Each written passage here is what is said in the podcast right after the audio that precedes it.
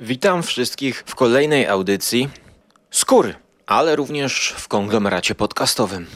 Dzisiejsza audycja sponsorowana jest przez patronów audycji Skóry, dlatego wszystkich tych, którzy chcą mieć dostęp do przedpremier i często są to przedpremiery kilkutygodniowe, Ci, którzy chcą mieć dostęp do malutkich bonusów filmowych, do vlogów filmowych, które pojawiają się od czasu do czasu, to zapraszam do wsparcia na Patronite Audycja Skóry i do grupy Patroni z Kury. A dzisiaj wszystkich już zapraszam do wysłuchania mojej recenzji Stefana Dardy, trylogii właściwie.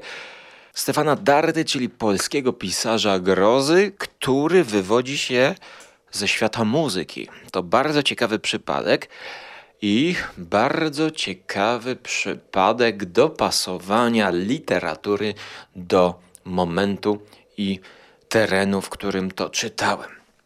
Pozwólcie, że zaparzę sobie trzeci raz herbatkę. Nie, nie zaparzę, nie mam kubka, więc poproszę o intro. Żarłok i skóra i Mando, Jerry, Wokusia. Trzyma. oraz nasi goście. Zapraszamy. Zapraszamy. zapraszamy. Zapraszamy. Zapraszamy.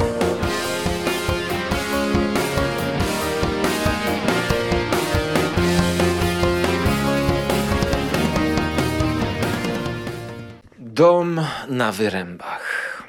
Pierwszej części posłuchałem w audiobooku w wykonaniu Wiktora Zborowskiego. Oszołomiła mnie ta książka w wersji audio.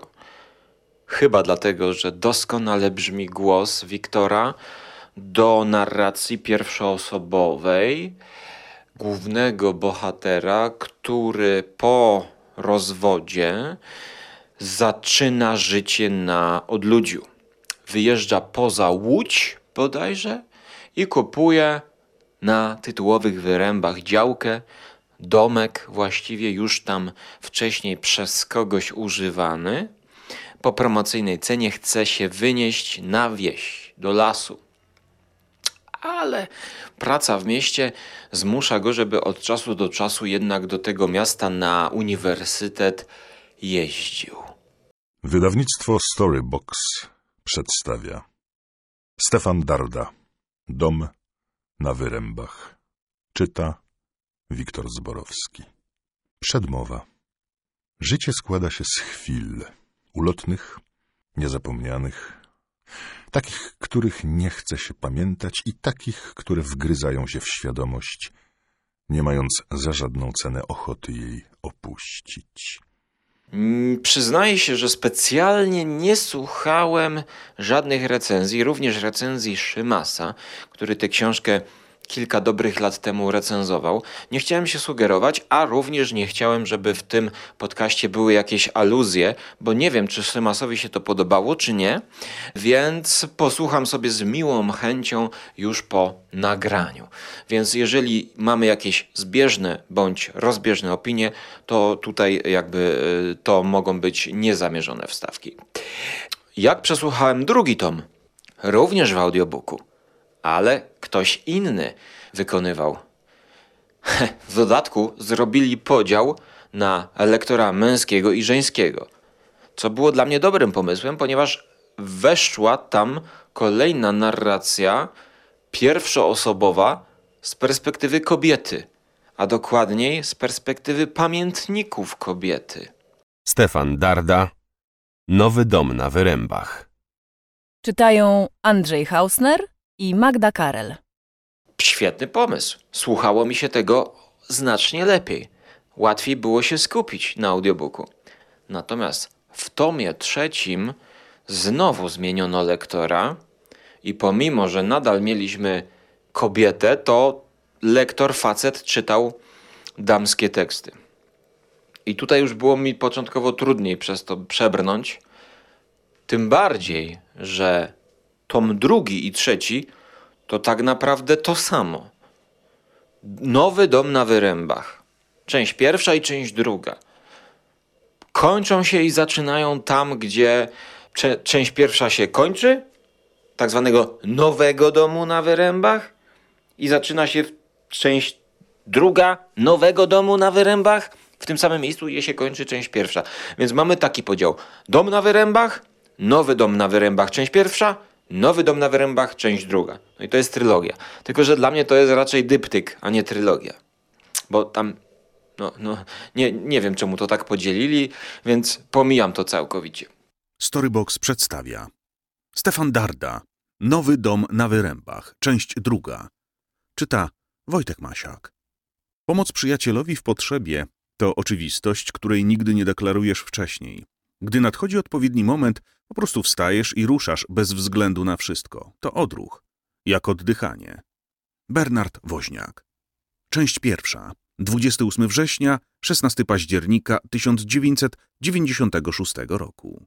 Natomiast ja słuchałem tego trzykrotnie. Czyli pierwszy wyjazd w mm, Odludzie to było właśnie chyba sierpień.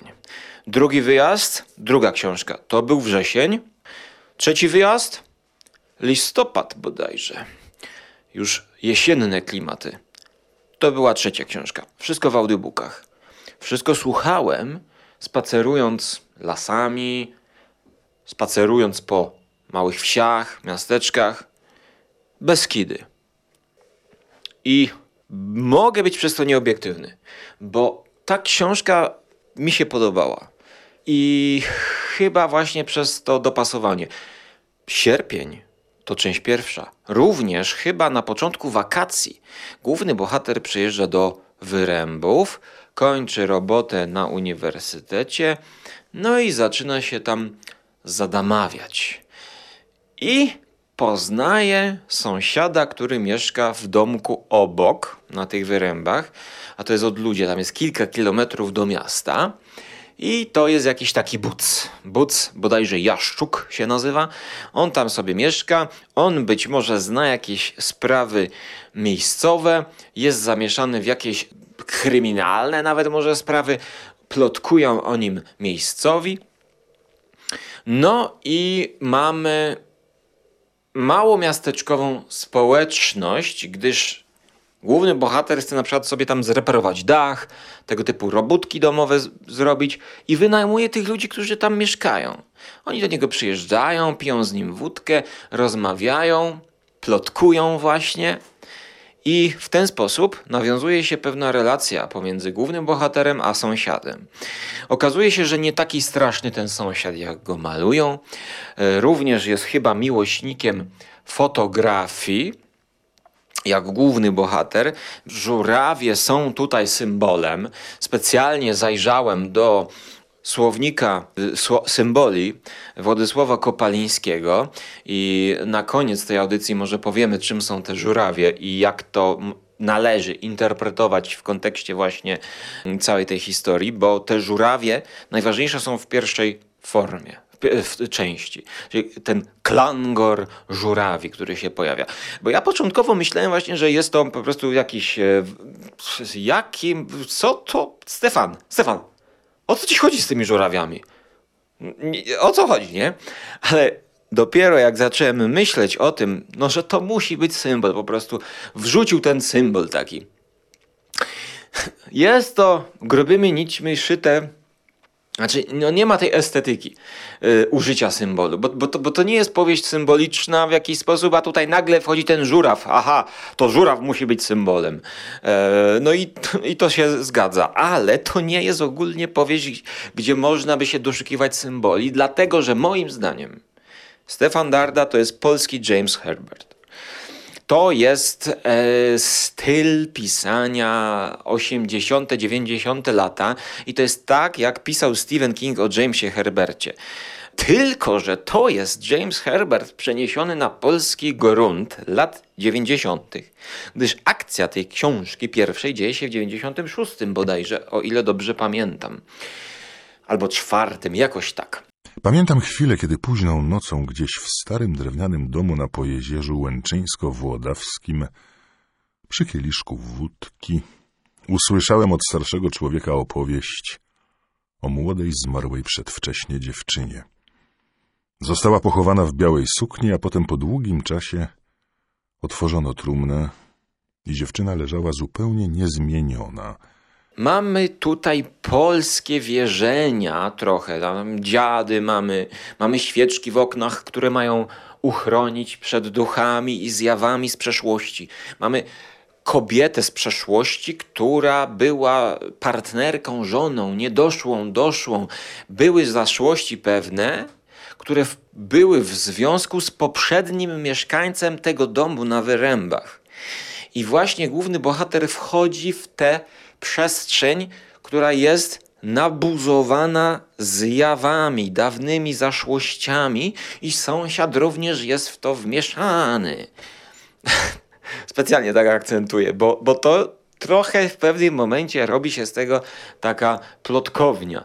No takie, takie element romansu trochę się pojawia, takie, takie telenowelowe wstawki może nawet, że a mąż tej tam kochał, a tamten tej nie kochał. No mówię tak ogólnie, żeby nie spoilerować tym, którzy y, jeszcze nie, nie, nie czytali, a nie słuchali, ale powtarzam, tylko audiobook Wiktora Zborowskiego. Jeden z najlepszych, jakie ja słuchałem. Oczywiście pomijając wszelkie superprodukcje. To jest jeden człowiek. W punkt, panie Wiktorze. Szacuneczek. Przejdźmy teraz do, do czego by tu przejść. No, fabułę zakreśliłem. Klimat opisałem i podkreśliłem. Dla patronów są fotki. Robiłem fotki właśnie tam e, zwierząt, koni, sarny nawet udało się sfocić. Więc to są te klimaty. Mówię o tym, bo główny bohater chodzi na spacerki z aparatem, aby zrobić zdjęcia nie tylko żurawie, ale jakieś tam właśnie zwierzęta. No i na przykład mamy taką sytuację, że on się gubi w tym lesie, wpada w jakąś taką pułapkę i ratuje go ten sąsiad. James Herbert. James Herbert tworzy takie sytuacje jak z horrorów z lat 80., czyli jak to Stephen King pisał, że grubą ręką wkłada w matnie, wkłada w bohaterów w galimatias i oni są w tym horrorze. To nie jest tak, że oni dochodzą do tego horroru. Ten horror jest jakiś metaforyczny. Nie. Oni po prostu żyją w tym świecie. Tam ta zjawa jest i oni tam cały czas są. To jest właśnie James Herbert dla mnie i no czytałem sporo książek chyba Herberta, więc jeśli ktoś mówi o Stephenie Kingu, że to Stefan Darda to polski Stephen King, łomatko to się już powtarza, ten polski Stephen King najlepiej reklamować, prawda, tak? Żarłok TV to jest polski Stephen King w świecie jedzenia. O, oglądajcie wszyscy. E, natomiast...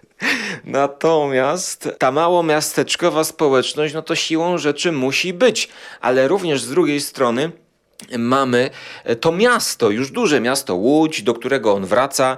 Tam jest ta jego była żona, nawet on tam raz do niej wraca, coś tam, ale tam jest koleżanka, poznaje bohater koleżankę z pracy, więc te przestrzenie, powiedziałbym, bardziej grają na zasadzie wieś, miasto, ruch, spokój, na zasadzie kontrastu. A jak już jesteśmy w mieście, to ludzie ze wsi są wyluzowani, Listonosz przyjdzie, poplotkuje, siądzie na herbatkę, chill out. Więc moim zdaniem ta małomiasteczkowa społeczność jest po to, aby podkreślić wiochę i aby podkreślić tą ucieczkę, tą, tą samotnie. A w mieście, no to wiadomo, tam coś ten trzeba pochodzić, pochodzić, tak jak w Suspirii było na początku, trochę miasta u Dario Argento, trochę wioski, no to mm, wiemy, że jeżeli jesteśmy na wsi, to nie jesteśmy do końca bezpieczni. Przez kontrast, przez ten dualizm. A potem nawet już jak przejdziemy trochę przez tych zjaw, poznamy zjawy, to nawet jak potem wracamy na troszkę do miasta, rozmawiamy z koleżanką, jesteśmy w gościach na pysznym obiedzie i w kolacji, takie sceny są u Dardy, no to za plecami czujemy ten chłód właśnie zjaw z ciemnego lasu. Akcja książki rozgrywa się w głównej mierze w przysiółku Wyręby na Pojezierzu Łęczyńsko-Włodawskim. Tak naprawdę nie ma takiego miejsca.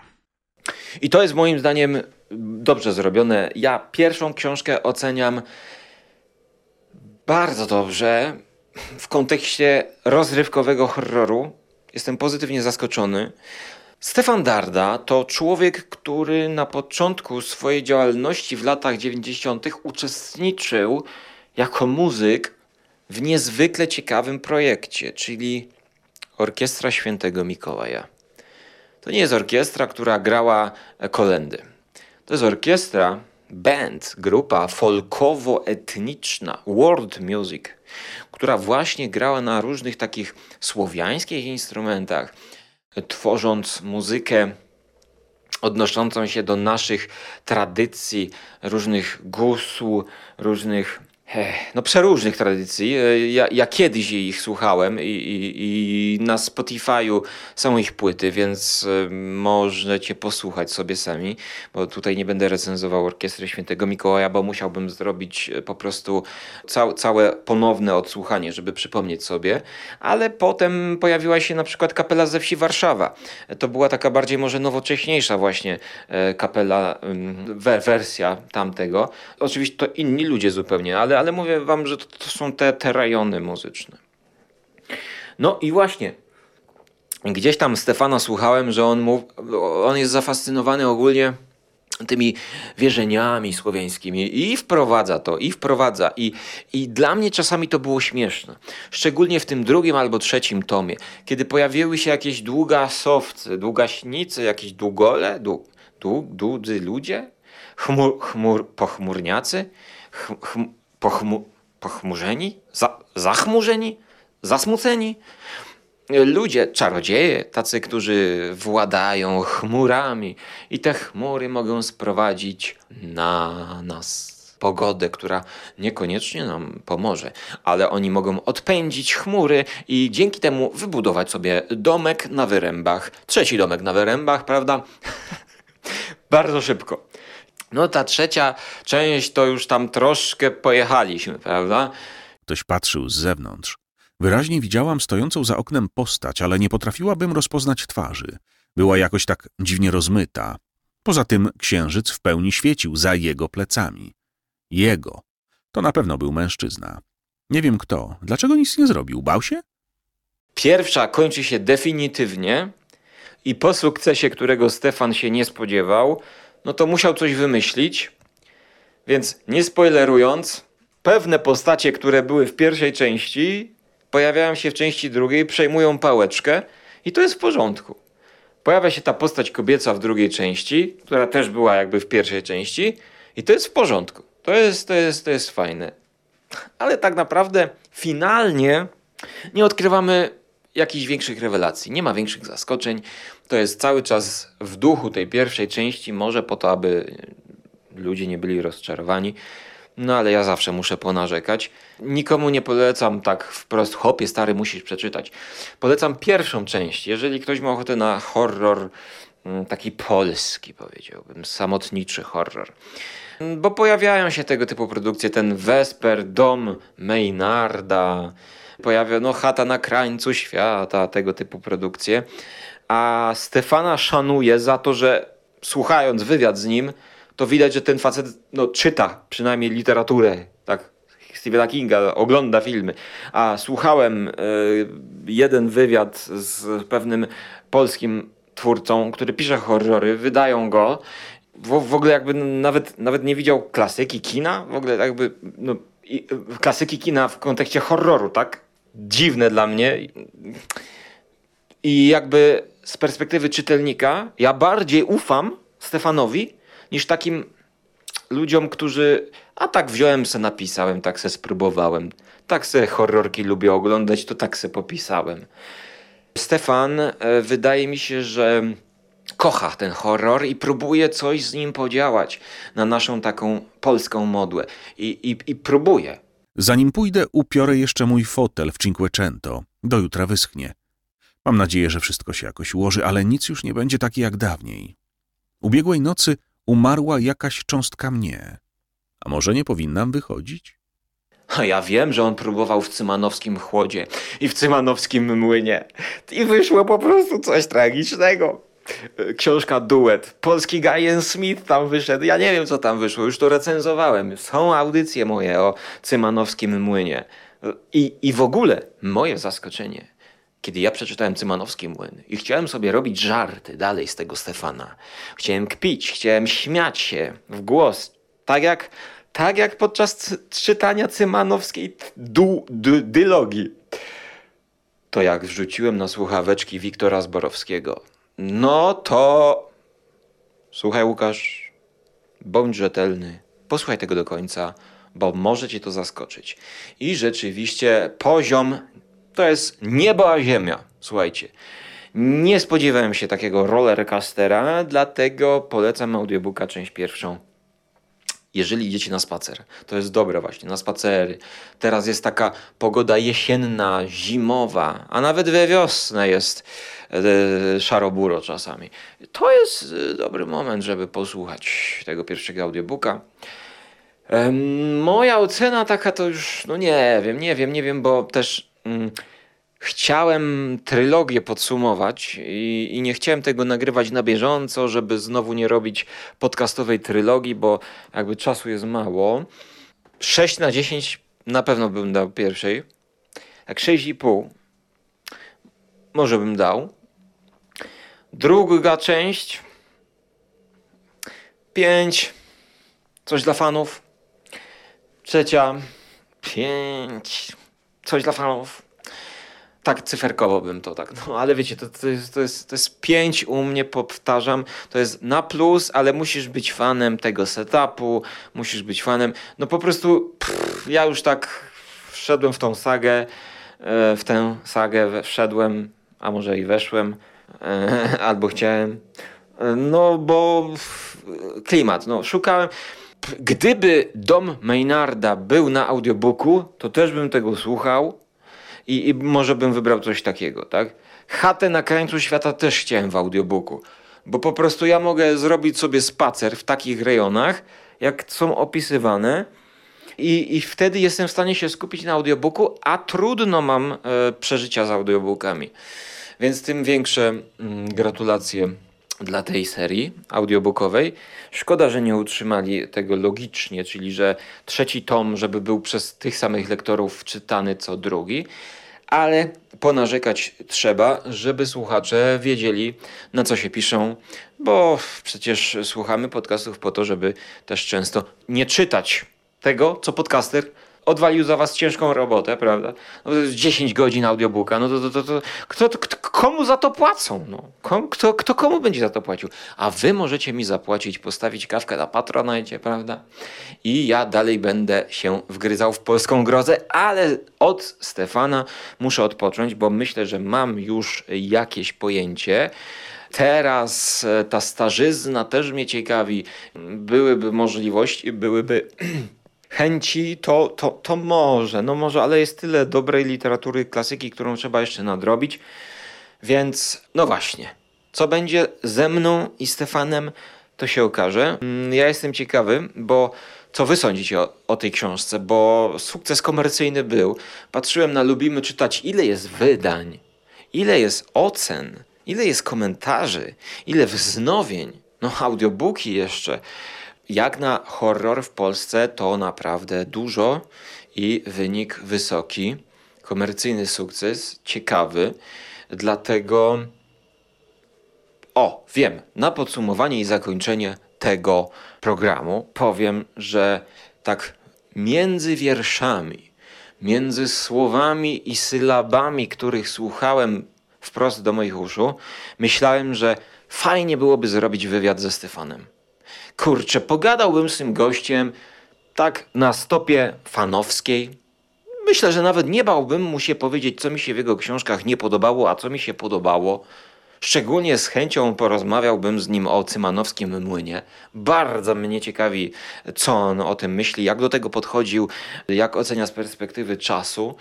Po prostu po przeczytaniu tych książek chciałbym sobie z nim siąść przy dobrej muzyce gdzieś, no w karczmie to może nie, bo nie lubię jak jest zbyt gwarno i trzeba się przekrzykiwać, ale właśnie gdzieś w klimatach wyrębów, w klimatach leśnych, żebyśmy sobie usiedli, włączyli dyktafon i porozmawiali o tym, co napisał i co ja przeczytałem. Bo o tym nie lubię rozmawiać z ludźmi. A co pan pisze? A co pan planuje? No, najważniejsze, żeby wyciągnąć od przesłuchiwanego aktora, reżysera, co będzie w przyszłości. No, y, za bardzo nie lubię tego typu pytań. Tak, tak jakby newsa. Trzeba stworzyć newsa, bo Stephen King siedzi teraz i pisze książkę o termicznym żelu. Nawiedzony żel termiczny, który sobie możesz włożyć do kolana i to jest żel nawiedzony. I z tego da się zrobić newsa. Bo w jakimś wywiadzie Steven powiedział, że gdzieś coś takiego jest. No więc ja bym wolał ze Stefanem porozmawiać o tym, jak on do tego doszedł, jak on się zabrał, jaka była droga i geneza, że on w ogóle chycił za pióro i pisał ten dom na wyrębach. Czy to były jakieś przeżycia osobiste? No bo przecież ten wątek obyczajowy, na którym zbudowana jest postać głównego bohatera, Huberta, no właśnie nie pamiętam jego, Marka, Marka, przepraszam, chyba, to jest dobrze zarysowane. Ta postać y, mężczyzny, który jest po rozwodzie i udaje się gdzieś w bok, chce się trochę oddalić, jest przez niego opisana wiarygodnie ci ludzie, którzy są obok niego i ich nie ma jednocześnie, też są dobrze naszkicowani. Jedyne, co gdzieś czytałem u kolegi podcastera, to, że słabe postacie kobiece są. No tutaj nie do końca się zgodzę, że słabe postacie kobiece. Tutaj po prostu nie ma postaci pobocznych. Tutaj jest tylko główny bohater w pierwszym tomie ważny, moim zdaniem. Chciał, to, to jest opowieść o jednym człowieku, moim zdaniem. I, i ta historia którą on odkrywa, ten człowiek. I w międzyczasie ten poboczny wątek to jest wątek przyjaźni.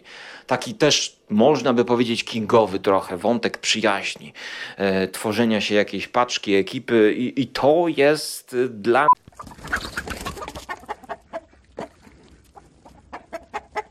Oj, oj, oj, oj.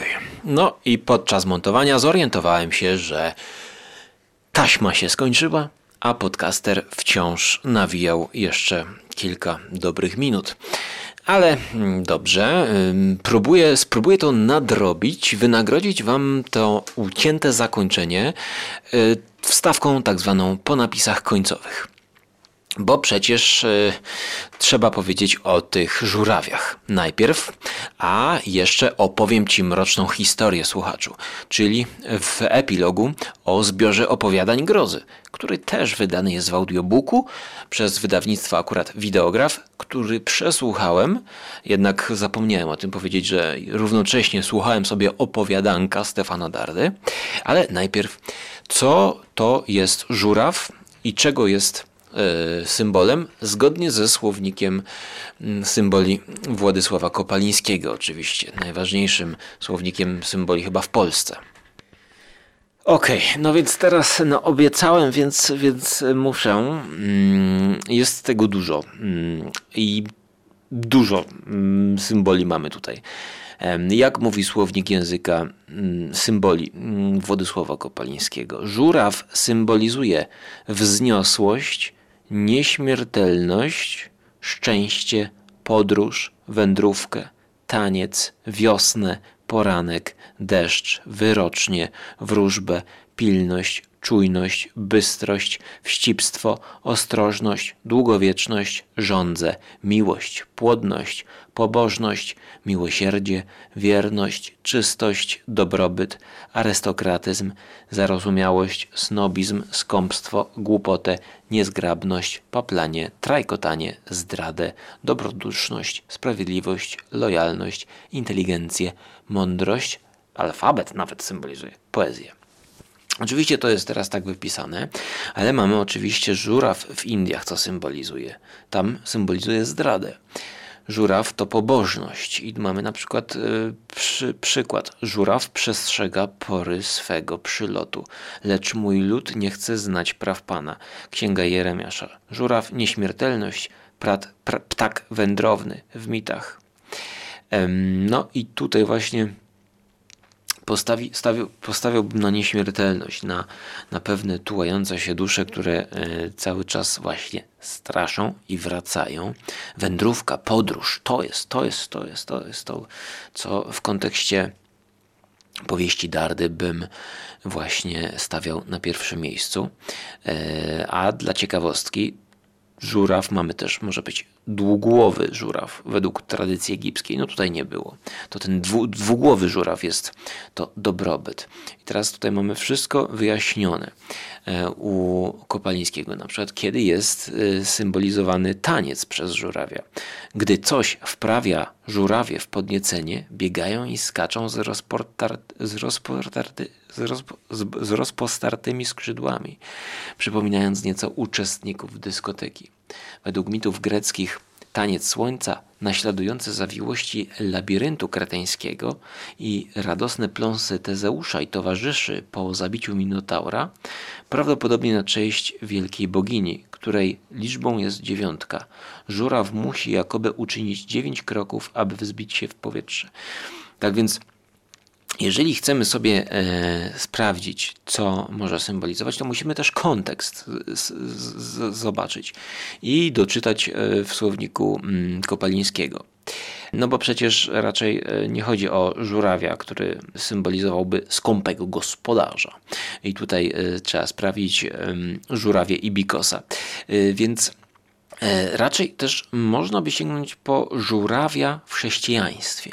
To religijność lojalność. Pielgrzymuje w ślad za swoim przewodnikiem. Życie klasztorne, dobroczynność i uczciwość. I to jest właśnie to, bo Darda zwraca się właśnie do naszej chrześcijańskiej e, tradycji i religijność, lojalność wobec przyjaciela w kontekście tej powieści, wobec sąsiada, jaszczuka, ale także wobec tego, co wcześniej zobowiązaliśmy się co do różnych zaszłości. Tak. W tej książce pewne zjawy y, powracają, żeby tych nowych mieszkańców wyrębów dręczyć za pewne porachunki krzywd, powiedziałbym. Więc tutaj jest dopominanie się o lojalność. Życie klasztorne, żuraw, to właśnie życie w, w odosobnieniu, e, które uprawia, uprawia, brzydko powiedziane, ale który, które którego to życia klasztornego wręcz podejmuje się główny bohater na osobności, na uboczu. Długi dziób jest symbolem fallicznym. Oczywiście to musiało paść. Symbol falliczny to zawsze coś długiego. Taniec żurawi uważano za przejaw pobudzenia płciowego w okresie godowym. Żuraw, wróżba, płodność. Żuraw w folklorze wielu krajów to sprawiedliwość, dobroduszność, mądrość, inteligencja. Cechy przypisywane żurawiowi przez lud, a do niedawna także przez ornitologów całkiem błędnie. No ale jeżeli w folklorze wielu krajów to sprawiedliwość, no to również też można to odnieść do powieści Dardy, bo ta zjawa, która się pojawia w powieści, to walczy o swoistą sprawiedliwość. I walczy, walczy o tę sprawiedliwość tak, jak to robią właśnie duchy no chociażby w dzisiejszych czasach w horrorach japońskich, te, filmowych, gdzie um, próbują się odegrać w jakiś sposób nad tym, za to, co ich złego spotkało, a próbują się odegrać na żywych właśnie. Wydaje mi się, że też żuraw, który symbolizuje dobroczynność i miłosierdzie. Mamy tutaj cytat z pana Tadeusza. Jak bajeczne żurawie nad dzikim ostrowem, nad zaklętym pałacem, przelatując wiosną i słysząc zaklętego chłopca skargę głośną. Każdy ptak chłopcu jedno pióro zrzucił, on zrobił skrzydła i do swoich wrócił. Epilog z pana Tadeusza. Przyniosą mi chleb wędrowny żurawie. Król duch cytat ze słowackiego. Miłosierdzie. Tutaj właśnie coś mi kojarzy się, że tam też było właśnie miłosierdzie w kontekście um, nie tyle co zemsty, ale chyba jakby umierającego. Um, ktoś umiera, a ten ktoś jakby przynosi mu miłosierdzie, nie spoilerując, ale już zapomniałem, to jest takie już piąte przez dziesiąte wam mówię. No i mamy y, żurawia, który symbolizuje Melancholię, tęsknotę, smutek, zniechęcenie są treścią mojej duszy. W skrzydły złamanej mi myśli ma się jak scharcząc żurawie po ziemi. To zaś był cytat z Kazimierza Tetmajera. E, I melancholia i tęsknota to jak najbardziej w kontekście tej powieści gra, gdyż mamy do czynienia z facetem, który stracił rodzinę, stracił e, kobietę i przyjaciół. Te przyjaźnie są e, tak no, no daleko, są, są, są są porzucone właściwie nawet przez niego. On tęskni za tym miastem, a jak jest w mieście, to tęskni za wsią, a jak jest na wsi, to być może tęskni za tymi ludźmi, z którymi mógłby porozmawiać. Ten człowiek, co on zrobi ze sobą? Czy jego los już się skończył, kiedy wszedł na ścieżkę samotności? Musicie się dowiedzieć, kiedy doczytacie do końca. Czy to jest może początek podróży jego, a może to zaczyna się podróż kogoś innego, może to zjawy zaczynają podróżować. Może te zjawy nadal będą nękać kolejne postaci w drugim, trzecim tomie. To już dla tych zainteresowanych. Tak więc oszczędzę wam tego, co oznacza żuraw w heraldyce. I pożegnam się z wami. Zapraszam na Patronite, zapraszam na Żarłok TV i zapraszam do Wiktora Zborowskiego. Trzymajcie się ciepło. Cześć. E, A przepraszam jeszcze, bo y, trzeba powiedzieć, bo kontekst jest taki, że to główny bohater ustrzeliwuje tego żurawia, ale metaforycznie mówiąc, bo robi mu fotkę, więc uwiecznia tego żurawia, więc no ustrzeliwuje go w potocznym sensie tego słowa i to jest ten kontekst, mm, który możecie sobie teraz rozkminiać.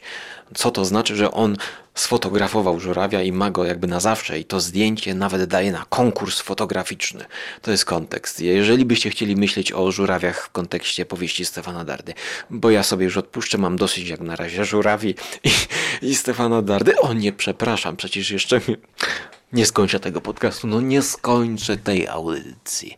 Opowiem Ci mroczną historię. To zbiór opowiadań grozy, wydany w 2014.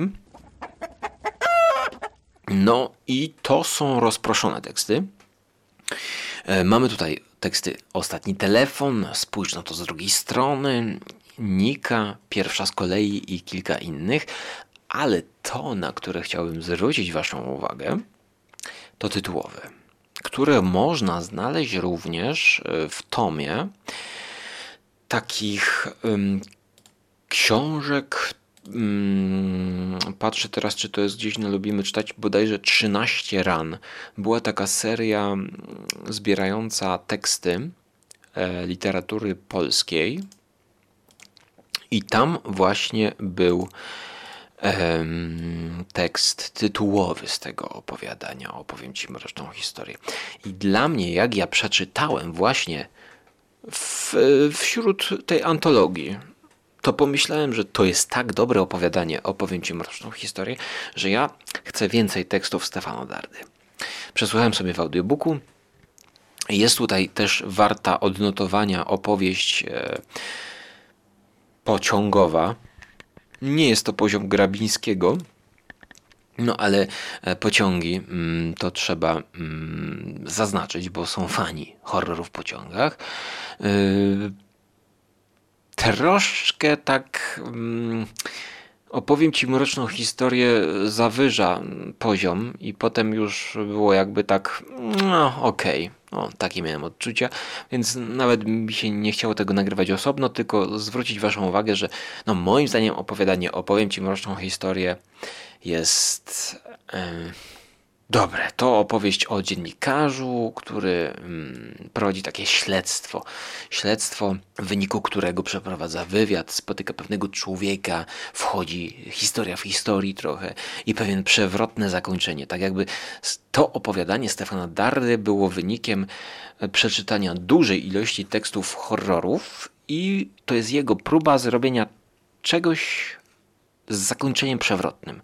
Czegoś, co jeszcze może nie było w horrorze, czegoś, czego się nie spodziewamy, czegoś, co Darda próbuje pokazać. A widzicie, jestem fanem horroru, z, trochę czytałem. A może spróbujmy w tę stronę pójść? Ja polecam, zdecydowanie. tytułowe opowiadanie jak najbardziej mogę polecić. Dziękuję, bo już to przedłużyłem. Dziękuję za uwagę.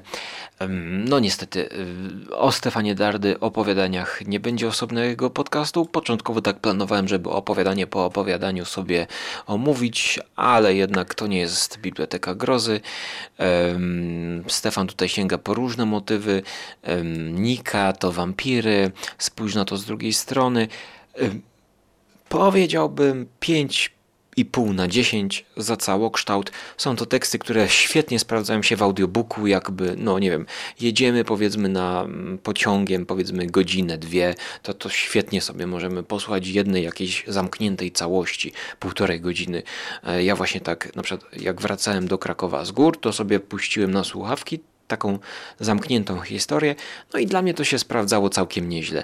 Y, To nie jest żadna rewelacja, ale no coś takie jakby słuchowisko w audiobooku mm, to ujdzie, ujdzie. Ale uwaga, to tytułowe opowiadanie Opowiem Ci mroczną historię czytałem e, na papierze właśnie, bo mam na papierze ten, tą antologię 13 ran albo 13 blizn, już, już nie pamiętam jak to się dokładnie nazywa. Y, I opowiem Ci mroczną historię. No, chociaż to opowiadanie. Jeżeli mielibyście jeden tekst poświęcić w swoim życiu Stefanowi Dardzie, to, to nawet ja bym nie polecał tego domu na wyrębach. Na pierwszym miejscu sięgnijcie po opowiem Ci mroczną historię. Bo no, chyba to jest obiektywnie dobry tekst. Kurczę, no jestem też ciekawy, czy jakieś opinie będą komentarze. Z chęcią, z chęcią, z chęcią poznam. Okej, teraz już to jest koniec definitywny.